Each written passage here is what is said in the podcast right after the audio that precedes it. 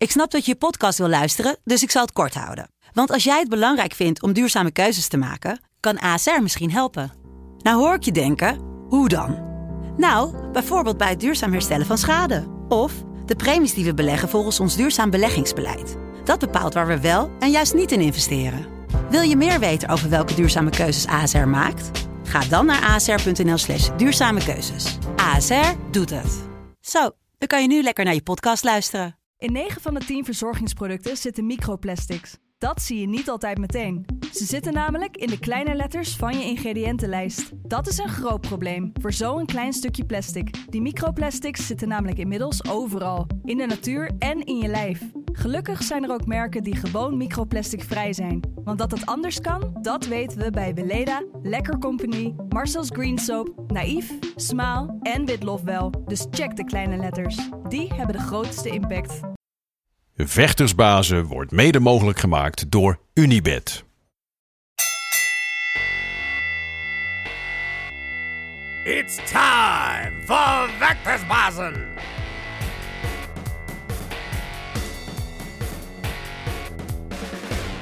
Vechtersbazen terug in je leven. Onze vaste volgers weten dat we eventjes een korte break hebben gehad, maar willen jullie natuurlijk niet helemaal in het ongewisse laten al die tijd. Dus uh, we gaan uh, van start met een aantal Instagram live chats. we gaan natuurlijk als eerste gaan we mijn vaste partner in crime. De enige echte. De former Strikeforce Champion of the World. Daar is hij dan weer hoor. Ja hoor, daar hebben we er. Hallo. Oh, hallo. Zijn we, ja, we hadden gisteren natuurlijk al getest. Nou, we mogen het wat echt doen. Ja. ik bedoel, ja. Ik ben, ik, ja. Ja, hoppa. Ik ben, ik ben nog niet helemaal klaar, Dennis. Ik ben nog niet helemaal klaar. Oké. Okay. Maakt niet uit. We gaan nu de man uh, erin, uh, erin vragen waar, waar, het allemaal om gaat. Eigenlijk de living ja. legend. Uh, voormalig UC Heavyweight Champ of the World. Drievoudig King of Pancrase kampioen. de enige Nederlandse inductee of de UC Hall of Fame. En nog veel meer. Nou ja, ik hoef hem eigenlijk niet verder te introduceren. Maar ik vind het heel tof dat we hem hier live hebben op onze vechtersbasis Instagram live chat. Dus ik ga hem nu bij deze uitnodigen als het goed is. Uh... Hey, wat? Oh, niet... Is hij! Wow! Hallo. The one and only. Pas, hoe gaat hij?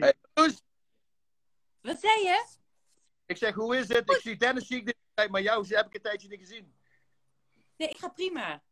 Ja, want jullie hebben oh. elkaar gezien uh, bij, uh, waar we eigenlijk ook een beetje voor bellen, hè? Ja, voor Karate, ja. Combat. karate Combat. Ik zeg wel heel lomp, ja. Nederlands Karate Combat. Hoe ben je erbij gekomen? Um, wel, toen ze begonnen kreeg ik een telefoontje en ze vroegen of ik geïnteresseerd was om een ambassadeur te worden van de nieuwe Full Contact Karate League. En ik go, yeah, are you serious? Natuurlijk ben ik dat.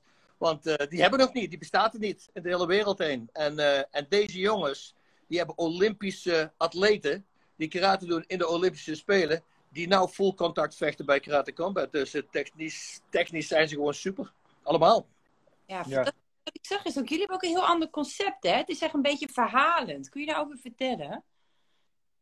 Ja, het is een, uh, het, het, het, is een pit, weet je niet. Het is een, uh, met, ze hebben wat muren aan de zijkant, die zijn in een 45 graden angle. Oh.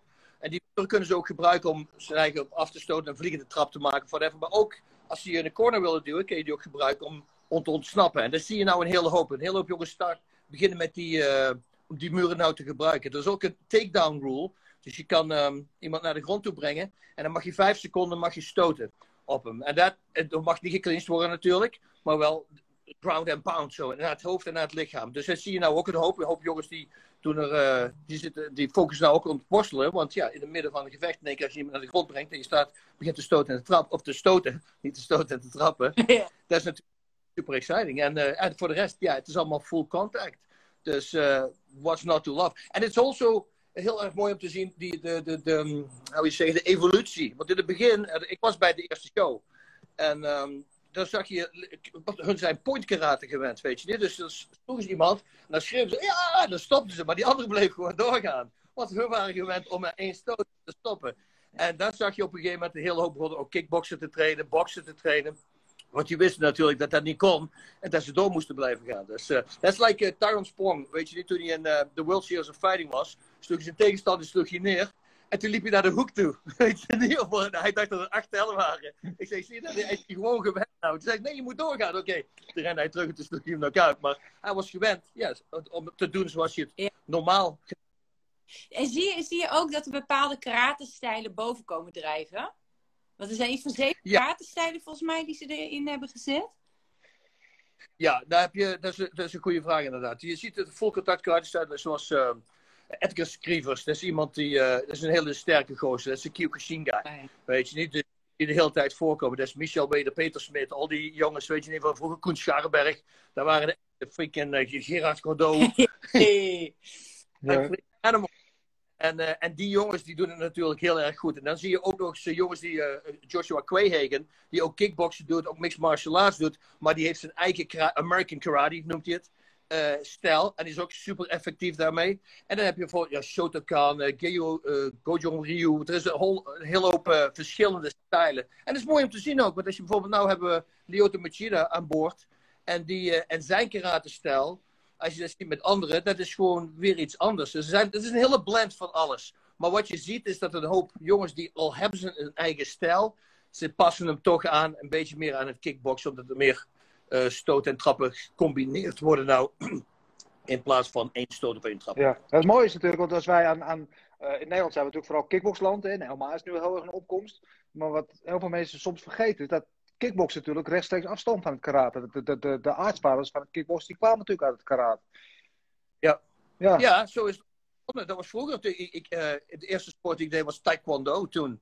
Weet je, maar de tweede was karate. Want de taekwondo deed ik maar 2,5 maand en toen sloeg ik een boel in elkaar, uh, eindelijk eens een keer. En uh, toen ouders trokken me meteen vanaf, maar toen ik weer begon, begon ik met karate. Ja, ja. Nou, mooi dat het zo weer terugkomt, want karate is natuurlijk in de jaren 80, we zijn allemaal opgegroeid met Bruce Lee films, jij volgens mij ook. Uh, later de Jean-Claude Van Damme en, en, en nou, noem alles maar op.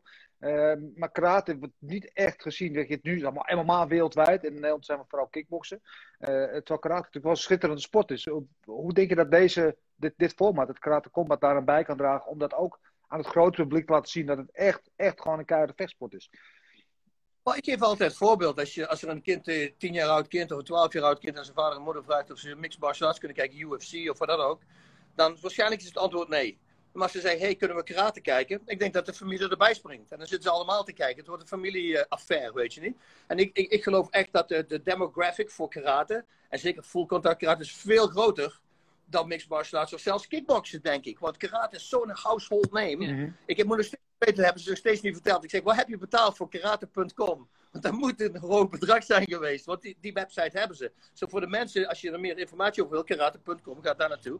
En dan kan je alles. Nou, wat ook een, verschil is, ze filmen net alles zoals je net al zei met uh, Bloodsport. En het, is een het wordt een beetje zo gefilmd ook. Dit seizoen gaan we ook terug in de tijd. We hebben een tijdmachine uitgevonden. En uh, we gaan terug en we gaan kijken waar, waar het allemaal begonnen is. Maar ook waar het een grote push heeft gehad. En dat is wat je net zei met uh, Jean-Claude Van Damme en Chuck Norris en al die gasten, weet je niet. Die in, in, de 70s en de 80s, dat is wanneer karate een hele grote boom kreeg in één keer. Ja, ik, we zou een bruggetje maken naar, naar wat voor jou het begin was. Eigenlijk voor jou hele martial arts lief, liefhebberij. Ehm, even een klein sprongetje terug. Nou, want wij hebben een vechtsbaas, hebben een onderdeel normaal gesproken, dat heet de maand Fight More. Dat zijn uh, Marloes en mijn vier grote inspiratiebronnen van de Nederlandse vechtsport. Dus dat zijn uh, Ramon Dekkers, John Bloeming staat daarbij, natuurlijk ook uh, karateka. jij staat daarop en, en Bruce Lee staat daarop. dat zijn voor, voor ons ja, de vier degenen die in de, voor, nou ja, voor onze invloed heel belangrijk zijn geweest om vechtsport, martial arts te gaan volgen. Um, wat, ah, ja. Dat is super. Ja, ja dat is... Wat dat de namen, die andere. ik begon te vechten because of him, weet je niet? Ja. Maar mijn vraag aan jou is: wat is, jouw, wat, wat is jouw founding father? Wat is eigenlijk jouw grote inspiratiebron of voorbeeld in, in de martial arts? Ja, een, een, een, inderdaad, een, een Bruce Lee, die is uh, heel erg. En dan uh, natuurlijk Royce Gracie, als je met mixed martial arts praat, dan moet hij er eigenlijk ook bij. Um, het is zo moeilijk, Amanda Nunes nou, ongelooflijk. Het is, het is, ja, het is moeilijk, want je zou gaan denken Chuck Liddell en zelfs, uh, als we over mixed martial arts praten natuurlijk. Dan uh, Dana White. ze kunnen zeggen wat ze wilden, maar die heeft het wel op de map gezet. Hè. Daardoor is het wel heel erg beroemd geworden en bekend geworden. Dus heeft hij ook een plekje daar. En dan heb je guys zoals Conor McGregor nou. Oké, weet je, dan gaat op en down met zijn eh, winnen en verliezen. Maar nog steeds, hoeveel mensen heeft hij wel niet gebracht?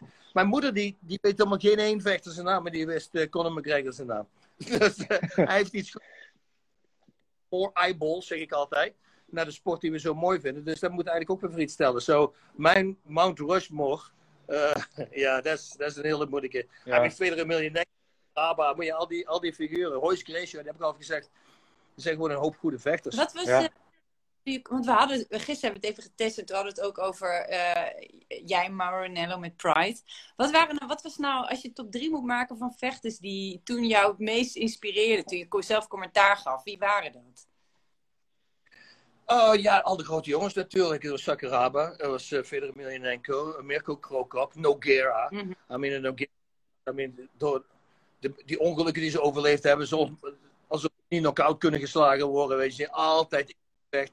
Uh, Dan Henderson. Oh. Uh, dus ik terug over de, naar de eerste ronde, 10 minuten ronde, zag ik hem op zijn knieën terugkruipen naar de hoek. En dan komt hij de tweede ronde eruit en dan slaat hij gewoon niet als de tegenstander. En dan krijg je wat de hek. Weet je, je hebt zo'n hart. George Barnett, als we over hart praten, yeah. toen hij Mirko Kroop opvocht. Weet je, hij was niet in shape, want hij had een zware injury gehad en zo. Maar zijn hart voelde hem gewoon through. En uh, die soort dingen, dat, is, uh, dat vind ik echt stoer. En wat is nu de, de, evolutie die je ziet in het MMA? Dus van uh, nee, toen jij begon, naar Pride en, en nu naar nou, UFC, Bellator, noem maar op. Wat voor evolutie zie je in de vechter? Hoe ziet, wat is, hoe ziet nu gemiddelde MMA-vechter eruit? Uh, ja, veel beter natuurlijk dan vroeger. Vroeger was het echt, we hadden, weet je, ik was goed op de grond en goed staan, maar worstelen, dat was helemaal slecht. Uh, daarom wilde ik reversers gewoon heel goed kennen. En er zijn andere jongens, er zijn alleen maar strikers. En, en, en nu heb je vrijwel alle mixed martial arts guys die, die, die goed zijn. Ja, die kennen alles. En iedereen ook, wat ik, wat ik heel erg blij mee ben, daar kon ik zo slecht tegen vroeger, dat de vechters uh, running out of gas. En ik go, shit, dit is je job. Yeah of zo, do something. Weet je, dat is makkelijk. Je moet gewoon heel erg hard trainen. Dus dat vond ik nou ook, dat zwaargewichten. I mean, en Gano, al die guys, alles eroverheen, weet je niet, die kunnen gewoon blijven vechten. Weet je, ze hebben de conditie ervoor. En dat is een hoop gewicht waar ze mee moeten slepen. Dus ja, al die dingen, de gewichtsklasses natuurlijk. Ik zou graag een uh, cruiserweight willen zien. Zo 235 pond, zoiets. Want uh, ik denk dat de, de, de, de afstand is gewoon veel te groot van 2,5 naar 2,65. Ja. En, en weet dat die jongen van 2,65, die weet waarschijnlijk op de dag van de wedstrijd. 2,90, ja. Was, was voor jou denk ik helemaal goede gewichtsklasse geweest, die cruiser, die cruiser uh, divisie, of niet? Voor, voor mij? Voor ja. um, nou, voor mij zou het nou... Want ik, ik heb altijd heel licht gevochten. Ik was uh, zwaargewicht kampioen, maar ik was op de weegschaal was ik onder 200 pond. Er was toen 200 pond en over. Ja. En toen zei jij, kan bij de. Ik zei, zo niet, je moet over 200 pond zijn. Ik zei, wacht even, ik heb allemaal waters gedronken van mijn vrienden, bij die, die waters hadden. En toen heb ik het gehaald, 203. Ik had veel, veel te veel gedronken. Maar toen was ik gelukkig... Toen, als ik nou weer maar het kan natuurlijk niet, maar als, dan denk ik dat ik op zeker 205 of op 185 pond uh, zou vechten. Want het is makkelijk voor mij. Ik, loop rond 205. Um, ik, we gaan zo even ook over Karate Combat. Ik wil er nog veel meer over weten ook. Eén uh, dingetje wil ik eventjes uh, refereren. Afgelopen twee weken geleden, geloof ik, bekend geworden. Frank Lopman, natuurlijk ook uh, ja, de Animal, bekende kickboxer. Jij hebt nog tegen hem gevochten. Uh, bleek dat hij overleden is. Uh, ik, misschien ja, een beetje lullig om naar die partij voor jou terug te gaan, omdat het voor jou niet goed afliep in die wedstrijd. Maar um, ik, toch ja, een legendarisch moment in de Nederlandse vechtsportgeschiedenis. Wat ja. weet jij nog van die wedstrijd? Oh, wel, ik, ik, had niet moeten, ik had niet moeten knakken die wedstrijd. Kijk, die, wat er gebeurd was, ik was, een, ik was de bouncer bij The Galaxy in de bos. En met nieuwjaars kwam, uh, vroeg iemand aan mij, een promotor, of ik wilde vechten tegen dingen. Nou, ik had wat gedronken daar. En ik wist helemaal niet. Ze, hun belden mij zes weken later waar ze de, de, de posters naartoe moesten sturen. En ik zei, welke poster van het gevecht? Ik zei, wie vechter? Hij zegt, jij. Ik zeg, wie, tegen wie? De lopman. Ik zeg, de Animal? Wanneer? Ja, met nieuwjaars dus kwam ik terug. Dat is waar. En ik had natuurlijk mijn ego, maar ik had al drie jaar niet getraind. En toen zei ik van oké, okay, het is goed, dan doe ik wanneer is het? Het was over drie weken of zo, of drieënhalve week. Daar had voor mij, maar ze hadden me op de poster gezet en ik wilde mijn woord gegeven, weet je niet. Dus ik wilde trekken. Dus dat was de domme fout. Ehm, en dan, en, en luister, ik, ik, had, ik, ik had toch verloren hoor. Eh, wat, eh, zeg, dit, is geen, dit is geen excuus. Maar ik had dus heel dom ding gedaan. We waren ergens bij een, eh, er stond een muur. En de muur, ik kan, als de muur hier is, kan ik er voor, staan en dan kan ik erop springen. Mhm. En dat wilde ik laten dat, dat kon. En ik deed het de eerste keer en zei, oh maar shit, ik doe dat nog eens een keer. Maar het had doe het nog een keer. En mijn, mijn tenen, mijn, voeten, die gleden van die muur af en ik landde op mijn scheenbenen. En mijn schenen zat zo'n gat in. Als je het ziet, ik kon gewoon het scheenbeen zien. Nou, dat was zes dagen voor de partij. Dus nou was het dichtgehecht. hadden we dichtgeplakt ook met, eh, met eh, superglue. En, eh, maar het moest echt gehecht want het was echt een groot gat. Ik zal het maar eens laten zien. Ik kan het echt zien. Dus was niet normaal. Ehm, en toen vroeg ik op de dag van de partij. Ik zeg, hey, kan je een lidocaine, lidocaine om me heen spuiten, weet je? Want anders zit dat toch in mijn hoofd en dat het zeer doet. Ze zei, nee, nee, ik heb wel beter. Dat zou ze wel in mijn beeld doen. En dan zou men minder pijn voelen in mijn been. En als je die wedstrijd ook ziet, je ziet mij allemaal springen de hele tijd. Ik heb nooit zo gevochten. Ik stond altijd Ja. stil. Helemaal... Ik was aan het springen, ik had geen controle over mijn, leg, over mijn been. Want toen ze zei van hij is neerge- neergeslagen. Ik denk niet eens dat hij mij raakte daar. Uh, Nee. Maar als het was gewoon aan het praten met, uh, met Cor, Cor Hammers. Ik zeg, mijn been, mijn been werkt niet. Weet je niet? Uh, en, en wat ik al zei, ik had toch verloren, geloof me. De tweede ronde was heel erg slecht voor mij geworden als dat doorgegaan was. Dus het is geen excuus. Maar ik, als ik echt had getraind, dan was dat wel wat beter geweest voor mij. En het was heel erg gaaf om hem te zien. Later in Pancras is hij nog gekomen, Ja. een keer. En toen uh, vecht, vocht hij tegen Ken Shamrock, kickboksen. Ja, die schopte heel zijn benen natuurlijk naar de kloot. En dat was het voor uh, Ken. En toen wilde ik hem nog een keer... Ik zeg, hé, hey, waarom vecht je nou niet tegen mij? Dan kan ik even, heb ik in ieder geval een kans. Hij zegt, maar ik had net die scheenbeen gebroken met een beenklem. Hij zegt, ik heb jou net iemand zijn scheenbeen zien te breken. Hij zegt, dat ga ik echt niet doen tegen jou. had een goede relatie uh, uh, naar de rand. Hij was een heel aardige gozer. Meteen na de wedstrijd kwam hij ook meteen naar me toe. Ja. Hij zei, wauw, uh, echt goed. Je deed heel erg goed. Ik zei, ja, zonder dat het zo uh, kort was. Maar uh, ja, heb ik, er was een hoop verhalen van hem allemaal. Maar ik heb hem altijd gezien als een hele aardige gozer. Ja, ja, ja zonder uh, ja, rest en tweede moeten we wel zeggen dan. Hè? Uh, nog een, ja. een, een vergeten grootheid in de Nederlandse kickboxgeschiedenis, toch? Want heel veel mensen kennen natuurlijk wel jou en Peter Aarts en Nesse Hoos zo. Maar hij was ja, toch in datzelfde, nou ja, hetzelfde rijtje, mag je dat zo zeggen, in die tijd, eind jaren tachtig. Ik, ik denk dat... Dat zeggen ze hier ook wel eens. En dat heb ik, de laatste tijd heb ik dat veel gezegd. Uh, in interviews zeg ik ook. Ik zit niet in die groep bij uh, grote kickboxers en zo van Nederland. Ik zei, dat wil ik niet. Ze hadden, lange tijd geleden hadden ze gemaakt. Uh, wilden ze um, Roots of Fight. Wilden ze een t-shirt met me doen met kickboxing, Muay Thai. Ik zeg, nee, dan moet je Peter Raats, Rabban Dekkers, die moeten hebben. Dat ben ik niet. Ik ben een mixed martial artist, mm -hmm. weet je niet. Ik was heel erg goed in training. Maar in de wedstrijd had ik hem nog niet onder controle. Ik was veel te wild. Weet je, dus ik was heel erg sterk in de eerste ronde. En ik sloeg een hele hoop jongens knock-out in de eerste ronde. Maar als het naar de tweede ronde zou gaan, dat zou een probleem voor mij geweest. En ik was gewoon helemaal opgefokt, om zo maar te zeggen. En dat is helemaal veranderd mijn eerste partij in, in Japan. En ik denk dat het was omdat het een half uur partij was. Want ik mijn tegenstander was 35 of 38 pond zwaarder dan ik. Wat, wat, ik niet verwacht had. Ik wist niet dat er een open weight class was. Hoeveel rondes? Toen zei ze één. En ik helemaal blij. Toen zei ze 30 minuten. Ik denk, oh shit, wat nou? Weet je? Want als ik mijn eigen lees sla in de eerste, eerste anderhalve minuut, dan heb ik nog een halve minuut moet doorgaan. Dus dan moet ik uit. Ik denk dat samen met het publiek, wat zo heel erg stil was daar, ik denk dat mij helemaal rustig heeft gemaakt. En toen ben ik pas echt gaan vechten zoals ik in de training aan het vechten was. Daar is het pas echt gaan bloeden. Was het dan altijd ja. een ding meer? Was het, was het niet zozeer dat je uh, technisch het spel nog niet in je systeem voldoende had, maar dat je eigenlijk meer door je uh, hoofd gekaapt werd?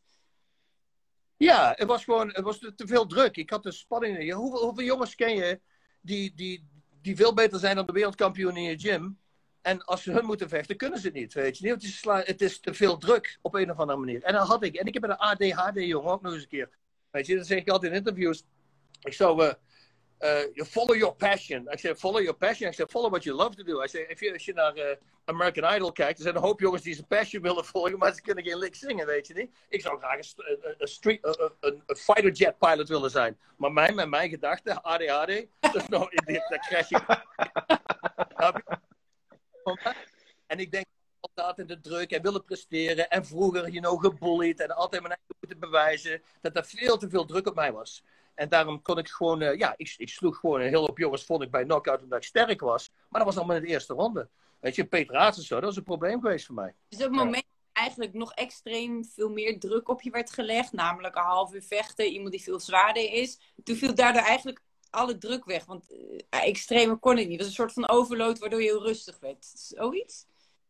Ja, en ook... Um, het, het, het, was zo stil daar. En je, je kon gewoon voelen... Je kan gewoon voelen in Japan dat hun daar... Um, hun begrijpen dat jij de professional bent. Dat je waarschijnlijk beter bent dan hun. En als jij daar gewoon vecht, gewoon je best doet, dan kan je eigenlijk niet verliezen. Ik heb een jongen die ik ken, ik wil zijn naam niet zeggen, die had iets van zeven partijen achter elkaar verloren en er stond een rij uh, voor, voor autographs. En dat was alleen maar omdat hij altijd vocht. Hij gaf nooit op en hij bleef doorvechten. Ja, hij verloor. Maar hij was een goede vechter. En op het moment dat je dat in de gaten hebt als een vechter, dat je eigenlijk niet kan verliezen, dat je je toch wel respecteren. Niet zoals in Nederland of anywhere else, dat als je één of twee keer verliest, dan ben je dus de domste jongen, dan kan je niet meer vechten. Weet je, dat gaat zo snel. Het gaat van heel goed naar twee verloren partijen en dan ben je in één keer niks meer. Ja. Weet je, en dat is een hoop voor vechters, want nu willen ze meer presteren de volgende keer. Like, Badr Hari, die zal er waarschijnlijk nou een probleem mee hebben ook. Weet je niet, want nou is dat gebeurd in front of twee keer achter elkaar. Die heeft alleen maar meer druk. Ja. Nou is de trainer veranderd. Maar nog steeds, hij moet direct vechten. En iedereen verwacht maar dat hij weer terugkomt, weet je. Dat is een, dat is een hoop druk waar je moet. Ja. We krijgen ondertussen wat, uh, wat vragen ook binnen. Onder andere iemand die zegt, I would like to compete for Karate Combat. Nou, ik weet niet hoe ze dat uh, voor elkaar kunnen krijgen. Uh, ik zag er net even voorbij komen die vroeg aan jou, Bas, wat vind je van het huidige systeem van MMA? Hè? Drie keer vijf ronde, vijf keer vijf. Ten opzichte van bijvoorbeeld een All Pride, waar je eerst een 10 minuten ronde had. of misschien zelfs een ronde van 30 minuten. Ja, ik vind het wel goed. Want, en, speciaal voor de scoring system vind ik het wel goed, dit. Ik ben er blij met de vijf rondes. Ik vond Pride heel erg mooi, omdat je dan een, tien minuten, je moet helemaal anders vechten, strategisch, je. Kan je niet vol laten gaan. Je kan je, maar er is altijd risico uit dat je hem niet in elkaar slaat. En dan moet je nog een, acht en een half minuut doorgaan, snap je? Dus uh, ja, ik vind, ik vind de vijf rondes en drie rondes van vijf minuten vind ik helemaal perfect. Ja, want John Kavanaugh bijvoorbeeld, de coach van uh, Conor die is juist heel groot voorstander om dat hele ronde gebeuren helemaal los te. Gewoon één één ronde te doen en uh, totdat het afgelopen is, zeg maar. Zie jij, zie, ja, daar hebben ze. Ja. Uh, en toen was de pay-per-view in één keer over, weet je wel? Dat was met uh, Dan Severn en Ken Shamrock, denk ik, all the way back. Ah, ja, en toen, ja, bleef maar duur, bleef maar duur. Toen was de tijd van de pay-per-view op en toen was het, niemand kon het einde Ja, ging de licht uit op een gegeven moment. Maak er maar een half uur van of zo. Daar begon het mee. Ja, ja oké. Okay. Uh, dus je, jij bent van het, van het systeem van, van de rondes, uh, duidelijk. Ja, ik ben ook zoveel met, met die in het begin zeggen ze, ja, maar wij hebben meer tijd nodig om de grond. Nee, als je goed bent, hun hebben het toch goed niet nodig. Als, het, als je het goed bent, dan doe je het toch gewoon sneller. Kom op nou, als je daar rechterop zet, ja, maar hoe moeten de setup? Ja, met de gi. Dat is een heel ander verhaal. Als ik, als ik jiu-jitsu met de gi zou, ik vind het een super mooie sport. Maar ik zou er niet voor gaan zitten kijken. Maar without de gi, oh, sign me up. De eerste rijder wil dat gaat veel sneller. De, game is gewoon veel mooier. Dat vind ik. En, en daar zie je ook hele snelle submissions. En dan zie je met een hoop gebruiken die je alleen maar om controle te houden. En te de holden die lapellen vast, weet je niet. En denk jongen, jongen, vecht toch. En dat heb je niet zonder een keer. En daarom vind ik dat mooi. Um, ik zag er nog eentje voorbij komen die vroeg zich af wat jij ervan vond dat Alistair Overeem, weg bij de UFC, dat hij weer terug gaat naar het kickboksen. Luister, Alice is een, Alice is een freaking animal. Weet je niet? En uh, als je over succesvolle uh, mixed mar of martial artists praat, ik denk dat hij de nummer 1 jongen is uit Nederland. Als je weet je niet, want hij heeft alles gedaan. En heeft de hoop titels gewonnen. En, en een K1 en dan een Strikeforce en, en Pride. Weet je, dus uh, ja, dus ik, maar hij heeft geen UFC-titel. Ja, dat maakt helemaal niks uit. Hij heeft het hoogste ni niveau gevochten. Dus ja, ik vind het wel stoer. Ik zou hem graag willen zien in kickbox. Ik denk dat hij het heel goed uh, deed laatst tijd op zijn leeftijd helemaal. Ik was zo zwaar onder de Ja. ja. Willen zien. Uh? Tegen wie zou je hem als eerste willen zien in Glory? Oh, gee. Uh, well. Noem er eens ja. op de... Waarschijnlijk de, de setup moet natuurlijk Rico worden, niet? Dat neem ik aan. Um, ja, misschien als, als een welkom gevecht meteen tegen Rico, ik weet het niet. Dus aan de ene ja. kant zou het... Of, of Hari. Ja. Dat ook ja. zijn. Hij heeft zelf gezegd dat hij meteen voor de belt wil. Dat hij meteen tegen Rico wil. Ja, Dus, uh, en, en dat kan hij ook, hij dat niveau heeft hij. Uh, I, I, see a lot of people asking why we're talking in Dutch. Well, this is a Dutch podcast, but in a couple of minutes we're going to invite Adam Kovac, which is the CEO of Karate Combat. So then we will switch to English. So just a couple more minutes listening to our, and then we'll go back to uh, to a normal language. Uh, you got it from Amsterdam. I have the soft G. Guilty. uh, Eén ding, ik heb met jou bij Karate Combat eh, twee keer zo'n Fight Week meegemaakt. En wat ik heel mooi vind om te zien, dat ook alle vechters, ook van nu van de jonge generatie, uh, ja, enorm naar jou opkijken. Ik, kwam, ik zag vechters allemaal met cadeautje voor jou komen. En had ik tekening en, en weet ik wel wat allemaal. Ehm, hoe vind je dat zelf ten eerste? En, en ben je er verbaasd over? Of het is toch ja, de generatie van nu? Ja, ik ben er verbaasd over, want het is een, toch een andere sport. Maar ja, ze weten ook dat ik natuurlijk van karate afkom. En dat, dat, dat, helpt natuurlijk. En uh, ja, maar zoals met cadeautjes en, en een tekening en dan vodka. I mean, ze brengen alles mee. Is, uh, ik vind het helemaal super.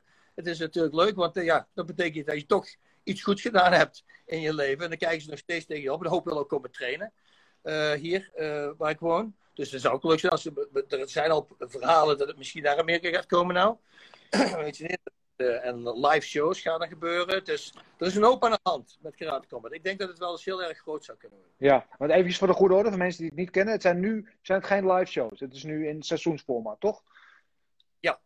ja. ja. Op dit moment is alles opgenomen. En de jongens zijn gewoon heel erg goed in niks te zeggen. Uh, ja. Maar maar daarom kunnen we ook die, die crazy shows doen. Als je de achtergrond ziet, we, I mean, we gaan terug in de tijd. We zijn in space geweest. I mean, de dingen die je ziet, het, het is net een film. En ja. net je een film aan. Ja, dat, ja. dat opviel. Vechters. Is dat ik dacht van, hey, je bent acteur en oud-vechter. En ik dacht van, heb, heb jij die rol zelf gecreëerd? Of was het hele concept al klaar met dat het zo filmisch zou zijn? Nee, dat was, dat was allemaal al klaar. Dat, uh, daar hebben ze gewoon... De eerste show was in dingen in Miami. Dat was nog niet met die achtergrond. En toen hebben zij nog in de, de World Trade Center op de 123e verdieping hebben gevoerd. Luister, er waren helikopters lager dan ons kwamen voorbij gevlogen. Een, een vliegtuig zelfs. Een propellervliegtuig kwam erbij. Wij zijn zo hoog daar weer.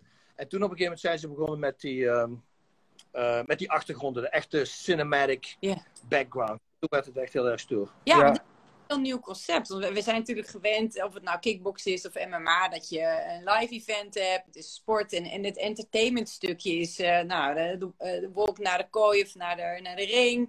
Uh, dan heb je nog een commentator die zegt, nou, je ziet daar is hij goed in of noem maar op. Maar nu is het gewoon een heel filmisch geheel. Dus ik vind het echt heel vernieuwend. En daardoor maakt het eigenlijk ook niet zoveel uit of het nou wel of niet live is, vind ik. Hoe zie jij dat? Wel, live is natuurlijk goed. Er zijn natuurlijk casinos die nou al, al aan het uh, omhoog springen. Me, me, me, me. Because live betting. Right? En ik denk dat online betting, dat is een hele grote.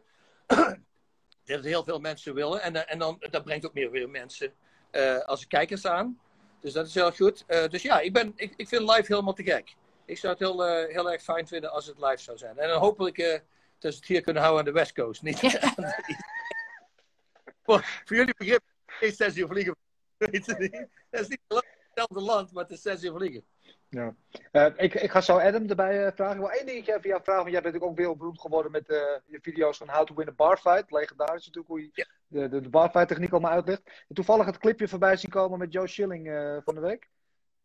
Ja, die sloeg iemand meteen plat, hè? Ja. Een of andere... Ja, had ja. ik gezien. Ja. Hoe zou je dat raten als, als barfight technieken? Well, dat ging heel erg snel, maar werd hij aangevallen. Ik weet niet of hij aangevallen werd. Van de camera-engel kon je niet zien of hij echt aangevallen werd. Ik, ik denk als je mars bent en iemand valt je niet aan, ik denk dat je niet moet staan. Nee, maar dat ben ik. Nee, dat die man wilde gaan uithalen en dat hij nog voordat hij kon uithalen halen, al reageerde. Maar hij, hij had het ook beschreven als een life-threatening situation. Ja, self-defense. En dan zie je hem al zo'n schouderduw tegen die dronken uh, geven. Dus nou, ik vond het niet heel chic. Nee. Ja, nou, hij, was, hij was ook, uh, het was een irritant kereltje. Ja, ja. Weet je, rondlopen was, pakje aan en allemaal stoer aan het doen. Ja, die jongens die moeten komen een keer een verkeerde tegen. En nou, geloof, beloof ik je, dat zal hij nooit meer doen. Weet je, nou heeft hij ze geleerd. Dus dat is het goede van zoiets. Bull, putting a bully in, in place, nadat het gebeurd is, houden ze waarschijnlijk op. Want nou weet ze hoe het voelt. Ja. Zo is het. Kost respect, zeg ja. ik altijd. Ook heel anders trouwens, al Michael Bisping die postte van de week iets dat hij ergens op straat wat lastig gevallen en iemand hem een klap gaf. En dat hij, hij zei, ik kon niet begrijpen dat die man zo slag, zacht sloeg. Dat hij alleen maar moest lachen. Dat Michael Bisping vervolgens gewoon wegliep. Ik denk, ja, zo kan het ook natuurlijk. Met uh, ook Gracie en je begint te tweeten live. Terwijl uh, die jongens jou proberen te overvallen. En dan sloeg je ze helemaal in elkaar. Allemaal live op Twitter. Dat was ook echt leuk. ik ga, inmiddels even contact zoeken met uh, Adam Kovac. Adam, de CEO van Karate Combat. zelf, voor de mensen die het weten, ook een, een karateka op wereldniveau geweest. Hè? Echt wereldtop geweest jarenlang. Dus hij denkt ook echt als, als martial artist. Hè? Hij is echt een, dat merk je ook aan de vechters, hoe ze op hem reageren. Hoe hij met ze omgaat en zo. Zie jij dat ook, zie je dat ook zo als, als een toegevoegde waarde? Ja, heel erg. Adam is gewoon een heel erg goed persoon. En, iedereen, ja, wat je al zegt, iedereen kijkt op tegen hem. En, maar hij, hij, weet ook precies wat hij doet. Hij is goed voor, eh, in de camera. Je zal wel zien met de interviews. Hij weet wat hij moet zeggen. Hij weet er alles vanaf. Wat ook heel erg belangrijk is. Hij heeft goede connecties uh, waar we al heen naartoe gingen. Dus dat we uh, kunnen zorgen dat we overal naartoe kunnen gaan. Zelfs during COVID. Weet je, die soort dingen zijn allemaal heel erg belangrijk. En iedere persoon die die voorstelt aan me, het is altijd een perfect persoon. En de ideeën die ze hebben, weet je. Nou hebben we George Pierre, Lyoto Machida. Dat zijn allemaal super ideeën. Ze waren praten over andere mensen. Ik zei, waarom probeer je niet achter George Pierre te gaan? Ja. Lyoto, weet je, dat zei, zeg maar, ja, ken je die krijgen? Gelukkig had ik uh, uh, GSP's nummer. En ik zeg, hé hey, luister, wil je graag samenwerken? En hij belde mij meteen. Hij zegt, dude, dat wil ik zo graag. Want ik heb altijd iets iets willen doen. Dat, hij zegt, geld heb ik genoeg nou. Daar ben ik allemaal goed mee. Ik wil iets doen wat ik echt heel erg leuk vind. En, uh, en dit vindt hij helemaal super, want hij was Karate Combat al aan het kijken. Dus uh, dat was een makkelijke pulling. We wilden him right away. Ja, dat is dan met jouw kracht natuurlijk, die jij hebt. Dat mensen heel graag met jou willen samenwerken, of niet? Oh, hopelijk, ja, ja, ja. Het, het, werkt als je geen eikel bent tegen mensen. dat, dat, werkt best goed. Hè? Ja. Ja, nou ja, ik vind wat mooi wat ik daar gezien heb met die vechters. En dat is natuurlijk heel anders dan bij een organisatie uh, als de UFC, waar je een Dana White hebt bijvoorbeeld, die echt gewoon ja, een promotor is, om het dan maar even zo te zeggen. Die verder niet zo uh, bij die vechters betrokken is. En, en Adam heeft het wel, die, die denkt echt als, als martial artist. Dat moet een verademing zijn voor jou. Ik denk aan dat jij het ook wel eens anders hebt meegemaakt. Ja, natuurlijk. En het is altijd fijn als, als iemand die de, de eigenaar is, die er echt zelf geweest is. Dat, is, dat heb je al met trainers. En er zijn uitzonderingen hoor, geloof me. Uh, maar met trainers, het zou fijn zijn als een trainer ook zelf gevochten heeft. Weet je, dat hij weet wat het is. Als iemand terugkomt uh, naar de hoek, helemaal naar de klote zegt: hey, hey, oh, gewoon dit doen en gewoon dat doen. Ja, dan kijken ze maar en zeggen: Je bent er nooit. Ja. Nou, het is al. Look at this guy! Ja. Yeah, lot of heart flying all over the place. Hey guys, how is it going? What? I didn't well. understand. I didn't understand the word, the word, but I really hope Bas only said nice things about me. we are only good things talking about you. As a matter of fact, uh, I was just uh, uh, introducing you and uh, asking Bas how it is, because uh, I know a lot of fighters react differently to you because you are like a martial artist and you uh, they sense that. So the, the, the approach from you to the fighters and and vice versa is very different, and I think that's a very good thing compared to like where you see where Dana White is more like a promoter. Uh, uh, yeah, makes it different. But good to have you, Adam. Uh, Thank you very much. Karate Combat season three. I know it's it's airing July first, right? It's the season start. So you, Correct. I, I imagine you can't tell us too much, but can you tell us a little bit about what the season is about? Sure. Um, yes, you're absolutely right. We're airing July 1st. Uh, this is when our TV network is going to premiere the entire season. I mean, not the entire season, but the first episode of the 12 uh, episode season. And uh, three days after that, we're going to air everything on our social media channels. So everybody's going to be uh, able to watch it online as well, because, you know, some countries are unable to, to watch it on TV. So we made it possible for everybody else to do. And, you know, in season three, this is our biggest season ever. And I think the best season we have ever produced so far. Um, last season, and probably maybe Bas already touched base on this. We traveled through space. This time we're traveling through time. Um, and uh, we're going back to the roots of karate to the 1890s and then move on to Hollywood to the 1980s and then end up in the future when karate is the biggest sports in the world. So, yeah. you know, we have every season we have a little narrative and a little storyline we try to produce as well. But most importantly, what's uh, you know not the narrative but the fights itself. And you know this is a a sport league, a fight league, and the fights were incredible in season three. So you know I can't wait for for the people to see what we've been uh, cooking in the last uh, few days and months. Yeah, and I understand has been doing a lot of time travel, right? Yeah, he, he he's amazing when when it comes to time travel. I have never ever seen anybody like even closely as good as Bas is. Yeah. You see, and, and because they nobody will have the cojones to do it. I go, I talked to the guy who made the machine. I go, are you serious? I'm still studying it. go back in time. So, but think about this. We can go back to history. You know, we can go back to Okinawa where karate started. All that kind of stuff. It's going to be very interesting for the people to see. Yeah. Uh, I know for you, because uh, besides your fighting career, you've do, been doing a lot of acting, movies, TV shows, uh, and, and, other stuff. Uh, is this like the ideal thing for you that you can combine both, do a little bit of showbiz entertainment, and also do the fight sports stuff? Yeah, it, it really is. It's, it's it's everything I enjoy. It's one of those things that you you know it's you're going to be happy to to to go to do a show. You know, it's not like, oh, did I prepare enough? Did I do this? Did I that? That's preparation. That's okay. Can we can always fix that. It's just doing it you know, but you know, feeling comfortable and doing what you want to do, I think that's very important. And we we're just doing whatever we want to do, and they let us free also. You know, I don't think I had or anybody on the whole team if they come up with a crazy idea that ah maybe you shouldn't do that. It's hundred percent, pretty much always they say, oh yeah, that's a great idea, let's do it. That's a great thing also.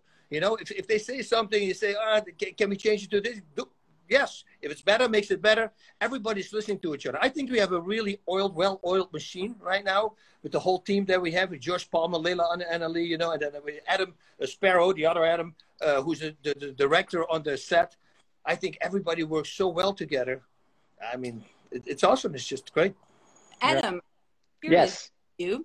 So I was wondering, what what defines for you a martial artist? Can you can you ask that again? I was what defines for you a martial artist?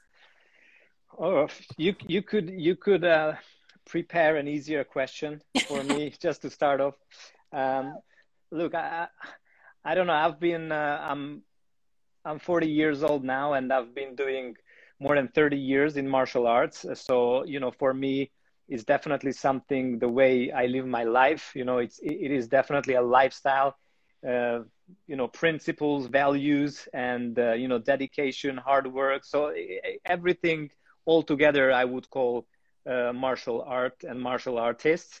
And uh, you know sometimes we just say to be you know martial arts are comparable to life itself. You know in martial arts so many things are happening you know and and so many deep things. Uh, the roots of martial arts are you know very very deep. So I don't know how to answer a, a, question like this because that that should be really deep as well. But I think uh, somebody who is who is uh, who is uh, uh respectful, uh, honorable, you know, like the honor, respect, values, principles, just as I said before, those are I think the main main uh, legs of of what martial arts is and and also community you know like uh, we, we've you know Bas just mentioned all these names. We're working together and one of the reasons why we have the chemistry so well going on over here because everybody is basically either a true martial artist or a martial arts fan. And and uh, you know that that pulls people together. I believe that this podcast is you know around martial arts around combat sports and around community and uh, also with with karate we are one aspect of martial arts. I think one of the the oldest one or one of the mostly practiced uh, in the entire world. Uh, but we are very similar to other martial arts as well. So i think it's a lifestyle it's it's a belief system and it's a lot of other things as well. Yeah yeah. Is that one of the skills you're looking for where you like contract fighters for karate combat? Uh, um, the mentality living to the, the martial arts mentality on top of the, uh, the technique and the, and the toughness and all the, and the durability, all those kind of things. Yeah, well, it's it's it's a complex thing when you know we're we're trying to recruit fighters or scout fighters, uh, but it, it, that's that's never an issue if somebody has you know like a, a very deep uh, background in martial arts. Of course, we have to. We are we are a, a company, an organization in 2021, so we have to see a lot of other things as well. Uh, but what we're looking for is always karate fighters or somebody who had a karate background before, maybe started with karate when, when he or she was uh, small and then transitioned to MMA or, or kickboxing or, or to other full contact sports. Um, that is one thing we always look out for because we just don't want to be a league with a different rule set where anybody can enter and basically uh, maybe even you know beat the karate guys so you know we are very very young organization, so we need a little time until the fighters get used to our rule set. And you know, there there hasn't been um, a professional karate league around, so you know we need to give a little time to these guys from karate schools, karate disciplines from around the world. And you know, once we get that, we might open it up for anybody else who is respecting uh, our rule set and who we think that would be a good fit in in the league or in the organization. Right now, we're looking to find karate people, you know, with with with with skills, with values, what are uh, you know we think are the best for karate combat. Awesome. Um, the fact that you have uh, Bas, but uh, this season you also have Lyoto Machida, you have George and Pierre as the season senseis, which I think is huge. What um, else can you um, ask for, right? Not much, I suppose. Yeah. Does it give you also the incentive that you're on the good track that people with those kind of big household names are willing to attach their name to uh, such a relative young organization? Well, we really hope so. Um, you know, the, the, the issue when it comes to a young organization is to build up uh, fighters from scratch, right? And this is what we're doing because we didn't go the route what other organizations do right now is to to have either you know with all due respect uh, washed out mma guys who have a bigger names to their leagues and then you know try to promote their leagues not with the people who they had before but those guys who were once great in a in a big organization and you know because of their names they tried to pull them in. So what what we were doing and what we are doing right now is to have guys who are karate world champions and start to build them up from scratch in a professional environment right? Uh, that being said that doesn't mean that like if George St. Pierre or Lyoto Machida said that you know like we want to fight with us and and this is this can be still in the making this is on the table right now as well uh, we would never yeah. say no, right?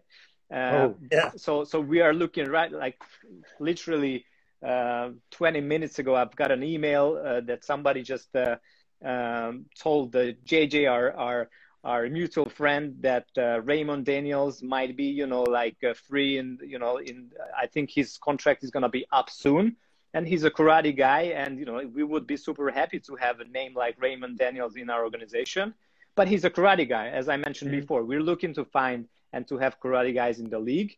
Uh, you know, we have Stephen Thompson when it comes to karate, and he's in the UFC. We have Gunnar Nelson. Uh, we have a lot of other names whose whose background is from karate. We are looking to to work with them, and we'll be we will be very happy to have them fight in the pit. Uh, but as I, as I said before, we're young and we, are trying to get on the track right now. I think season three will be a, a huge differentiating uh, um, season for us, and we'll see what happens after that. Yeah, and uh, um, once I back Raymond Daniels, nice that you mentioned him because I know he's now in Florida helping Gilbert Burns for his fight against uh, Wonderboy Thompson. Uh, but that aside, uh, I, want to go back to what you said about uh, George St. Pierre and Lyoto Machida. If we can get them to fight each other in karate combat, we will do, make that fight. And why not? why not do this right now? no, absolutely. And, and, and, you know, Bas knows 100% that this was the original idea. I mean, like we always wanted to involve them in, you know, some shape or form. Uh, but, you know, like we had the idea of, you know, let's make who is the best karate guy in the world. Obviously, we know that, that what are their results were in, in MMA, but when it comes to this new different rule set, you know, like you cannot use wrestling that much. You cannot do this, but you can do that. So, like, let's see who is the best one. Um, you saw what happened with GSP with his uh, his fight, which didn't happen against Oscar De La Hoya. So that's that's not really on the table. Um, with Machida, he still have a few fights uh, with Bellator, but like he's very open to that. And you know, when we we met him, he said like, "I want to fight George." So like he's open. He's not only open, but he wants to do that. So we don't know what the future holds, but uh, we hope something like this uh, can happen under Karate Combat roof. Awesome. Bas, on who do you put your money when they, those two fight each other? Uh, come on, don't ask me that First thing to do. it's going to be fun. It's going to be fun to watch. I think Lyoto for sure. Uh, we can get him to fight for sure. It's all about uh, GSP. I mean, we, we, were actually we were shooting something for Karate Combat, but they asked him, and he said, "I don't know about the La, the La Hoya." I go, "Dude, you, you, you have to do it." He said, "What do you mean?" I said, "You can't lose." I mean, even if you lose, it's a boxing match. You can always pull him into MMA. Okay, I did one boxing match, and he started thinking. He goes, "Yeah." yeah, I'm going to do it. And then unfortunately, UFC wouldn't allow it. But I think that would have been a great fight. Yeah, well, fingers crossed. Maybe uh, maybe the future will still bring it to us. Uh, uh, about the rule set, Bas, uh, if you were younger and still coming up as a martial artist, would this be a rule set that would fit you? You think? Oh, 100%. I would have loved to. You know, I, I saw this crazy guy a long time ago when I just started Thai boxing. We were in a place and there was a full contact Kyokushin karate tournament going on. And I saw this guy with the wild hair and he was dropping everybody with spinning back kicks to the body, like to the liver, to the solar plexus. And it was freaking Peter Smith. Uh, and, and, and that was like, whoa, I would love to do this. Like when you hear these stories from Scharrenberg, like I said, Michel Wedel, mm-hmm. all these guys, old guys that were really tough and they went to these, these crazy tournaments I mean, there's got to there's something to it, you know. If you start with 128 people and you fight it all the way down to two are left, that's pretty gnarly, you know. So uh, I always was uh, very intrigued with that. Unfortunately, I never did it. well, um, already combat and the pitch, uh, Adam. I was wondering. When, where in the process did it come up? Because I think it's brilliant that it's kind of a cage, but then with a 45 angle degree. Can you tell me a little bit more about it? why you put it, it's like a it's like a cage without a cage right um, yeah so so when we started the whole uh, company and and the brand back in 2017 we wanted to come up with an idea which which doesn't exist now right? So like we right off the bat we said like we're not going to have a ring we're not going to have a, a cage. We were thinking of having the mats where you usually see karate uh, fights on but we said like that's that's you know not not easy to market you know like not we should figure something out. And um, and uh, we had a few meetings and and somebody from the management or from the founders came up with the idea of, of having a pit and uh, i remember exactly this was back in 2017 i was standing with them in new york in the office and and they said all right like next week we were already planning to have like a a little tryout for our rule set. That was back when back then when we never did even one event, right? And they said, "All right, that's cool. Let's let's do it in like two weeks time." I said, "All right, like I, I can make that happen." And they said, "All right, let's build a pit." And I was like, "What do you mean? It's not like I just call anybody. Like this is the new concept. What even we don't know what we're talking about and in two weeks time you want me to build a, a pit and uh, and they said yes let's do it and then you know we made a few phone calls and and you know i think one of the reasons why we're so um, forward thinking and you know out of the box uh, things with the cgi and everything that we try to make things happen which seems impossible and you know the pit is not an impossible object is but you know under two weeks when you've never done something like this before uh, it seemed impossible. But uh, you know, we did it. Uh, it wasn't a perfect one. So since then, we updated it, and now actually in the last season, we even have a door on it which can slide in and out in in case of uh, emergency. So you know, this is how we came up with the idea, and we are very glad we did because you know these days people starting to even copy uh, copying it and and but you know the good thing is not the copying but fighters are building it in their own gyms and they, this is how they prepare for the fights and do you also Beautiful. see an, an involvement in how they use the pit?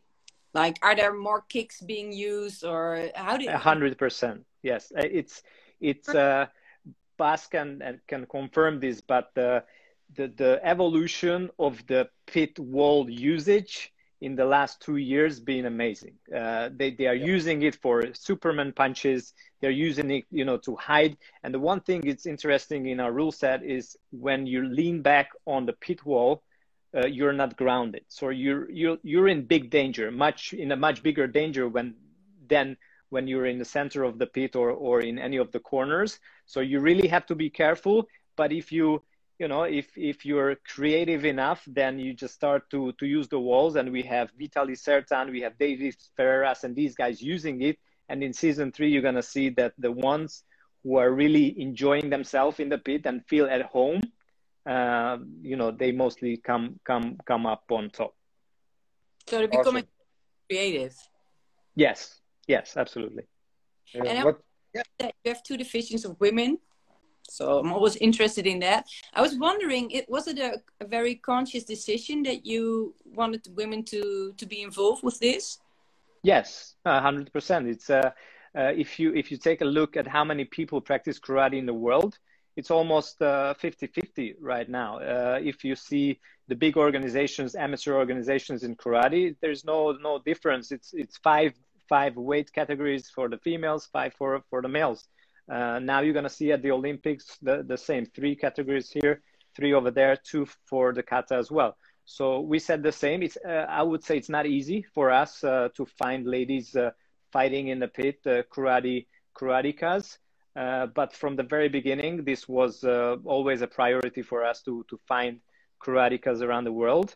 and also, you know, we're we're we're watching the, the the UFC, Ronda Rousey, and these girls. You know, that was one of the big steps uh, for the UFC when Ronda Rousey was a big champion in becoming a mainstream sport.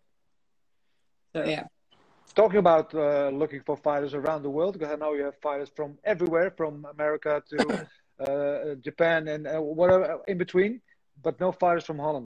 So uh, of course we it's Dutchish. Brian, Belgium, but he's training. At least he's training in Holland. Yeah, he's a half half Dutchy. yeah, we have we have we have uh, uh, guys on our roster from from Holland. They they haven't been fighting yet in the pit. We had for even for season three, uh, we had a 60 68 kilogram guy um, already scheduled to fight, but unfortunately, first no, he was scheduled twice. You know, first he got into a car accident, that's why he couldn't come and then at the second time when he was scheduled to fight, uh, then uh, he got injured. So so right. we, we are we are having Dutch fighters, and we're we're really looking forward to have uh, new ones as well. Good. Just taking care of Dutch heritage here, you know, to make sure we uh, continue. Absolutely. Cause, yeah, because you know we have a lot. Uh, Dutch, uh, the Dutch are mainly known for kickboxing, uh, but the the root of all kickboxing came from karate also. So all the, the karate uh, grandfathers later started the, the, kickboxing in Holland. So um, yeah, we have a long history of that too. Um, if yeah. if you have some guys to propose, you know, you know, you know my details, my uh, email, so shoot them around. I will for sure do that. Uh, Bas, um, tell me one thing about what's happening in season three, which was really amazing. But maybe maybe you can tell everything, but the one thing that really uh, swept you off your chair while giving commentary for these fights? Well, where we went, I, but going back in history and to see where it all started in Okinawa, Japan, I think that was a really cool move uh, for us to do. You know, and and then we went to the '80s where it got a big boost, where all these big movies uh, came out. You know, uh, Nico, remember with uh, what's his name, uh, Steven Seagal, Steven Seagal, right? Jean Claude. Boom, that's where everybody are getting big. And then, of course, the future. You know, what is karate going to look like in the future? We found out it's uh, going to be uh, pretty darn good. let me tell you that. You're going to be surprised when you see where we are, the way it is presented. It's uh, it's something. Yeah, it, you you've never seen it before, and not in one martial art ever. Well, regular sport, I don't even think so. That's how big it is. Yeah. Uh, yeah, I, I and, totally and let me just chime in a little bit. We have we have uh, 30 plus fights in the in this season, and nearly half of them ended up uh, before before it should have. You know, in terms of you know the KO rate, the TKOs are amazing. You know, we've got KOs with with body kicks, with head kicks, with with the one punch knockout. So like whatever, you cannot ask for more than what uh, these guys are delivering in season three. Yeah, I believe 55%. We're over 55% in knockouts. So and it's good. How do the karatekas on that they can also punch on the ground? Um, in some of the disciplines, uh, in the amateur or the sports karate, they can do that as well.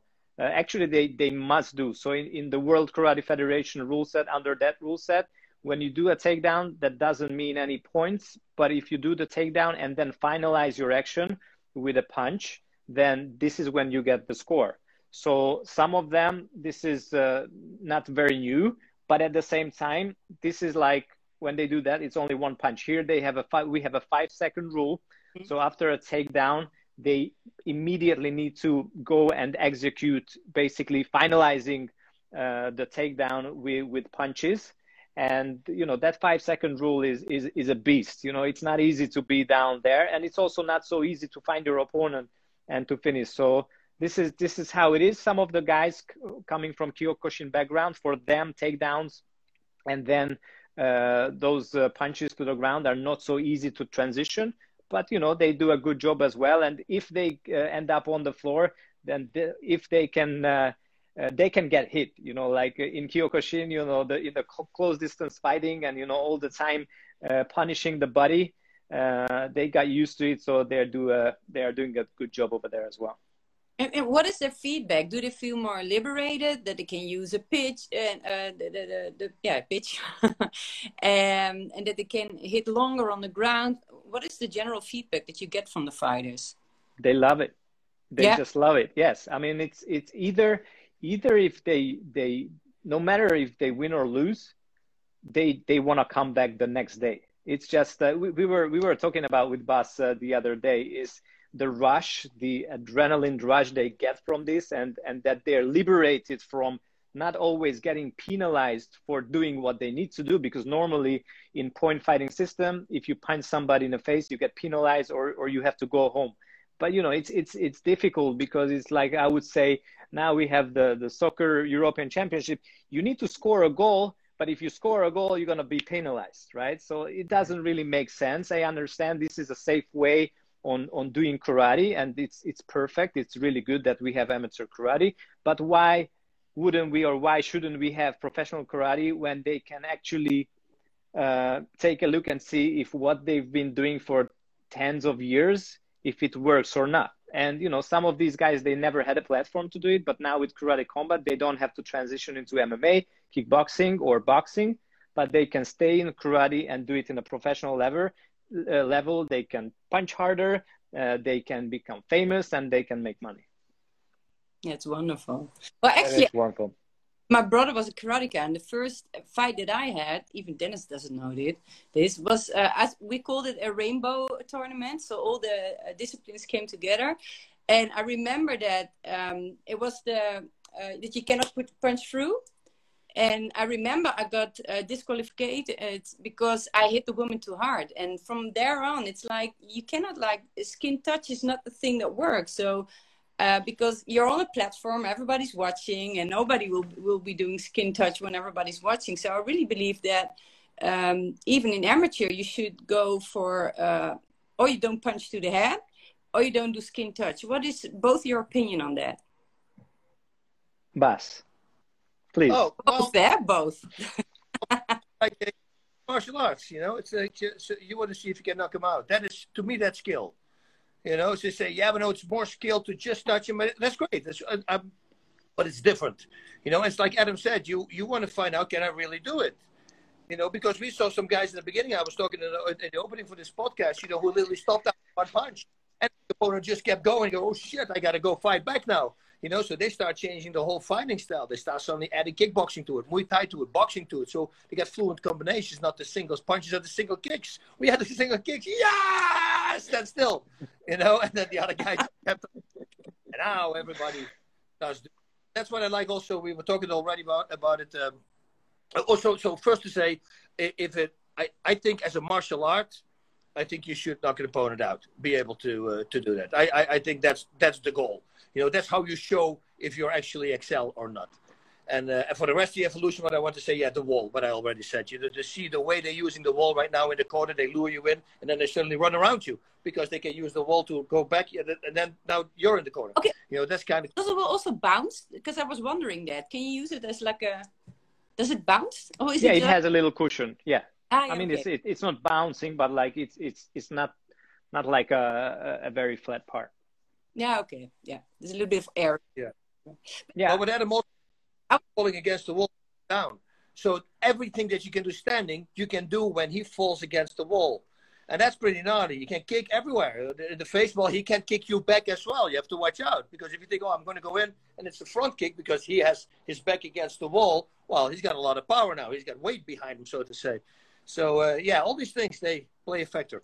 But it's also it's also not so easy because you basically have to lean forward to reach your opponent. And when you have to lean forward it's, it's not the same balance than when you're you know completely uh, upright. But uh, going back to your question um, i think we just uh, I'm, I'm a big believer in in in in being open to do anything. If you want to do point fighting that's fine. That that's for you. But like let's let's uh, um, you need to be able to choose if you can if you want to do full contact then okay you can do full contact. This is one thing. The other thing although i myself have been doing uh, point fighting through through my life uh, when i was competing uh, but it also gives you a little bit of a fake confidence because you think you're you're a you're a really good karate guy but then you know when i transition to to bjj for example although you know like they don't really punch you in the face but you understand that you know like being good at point fighting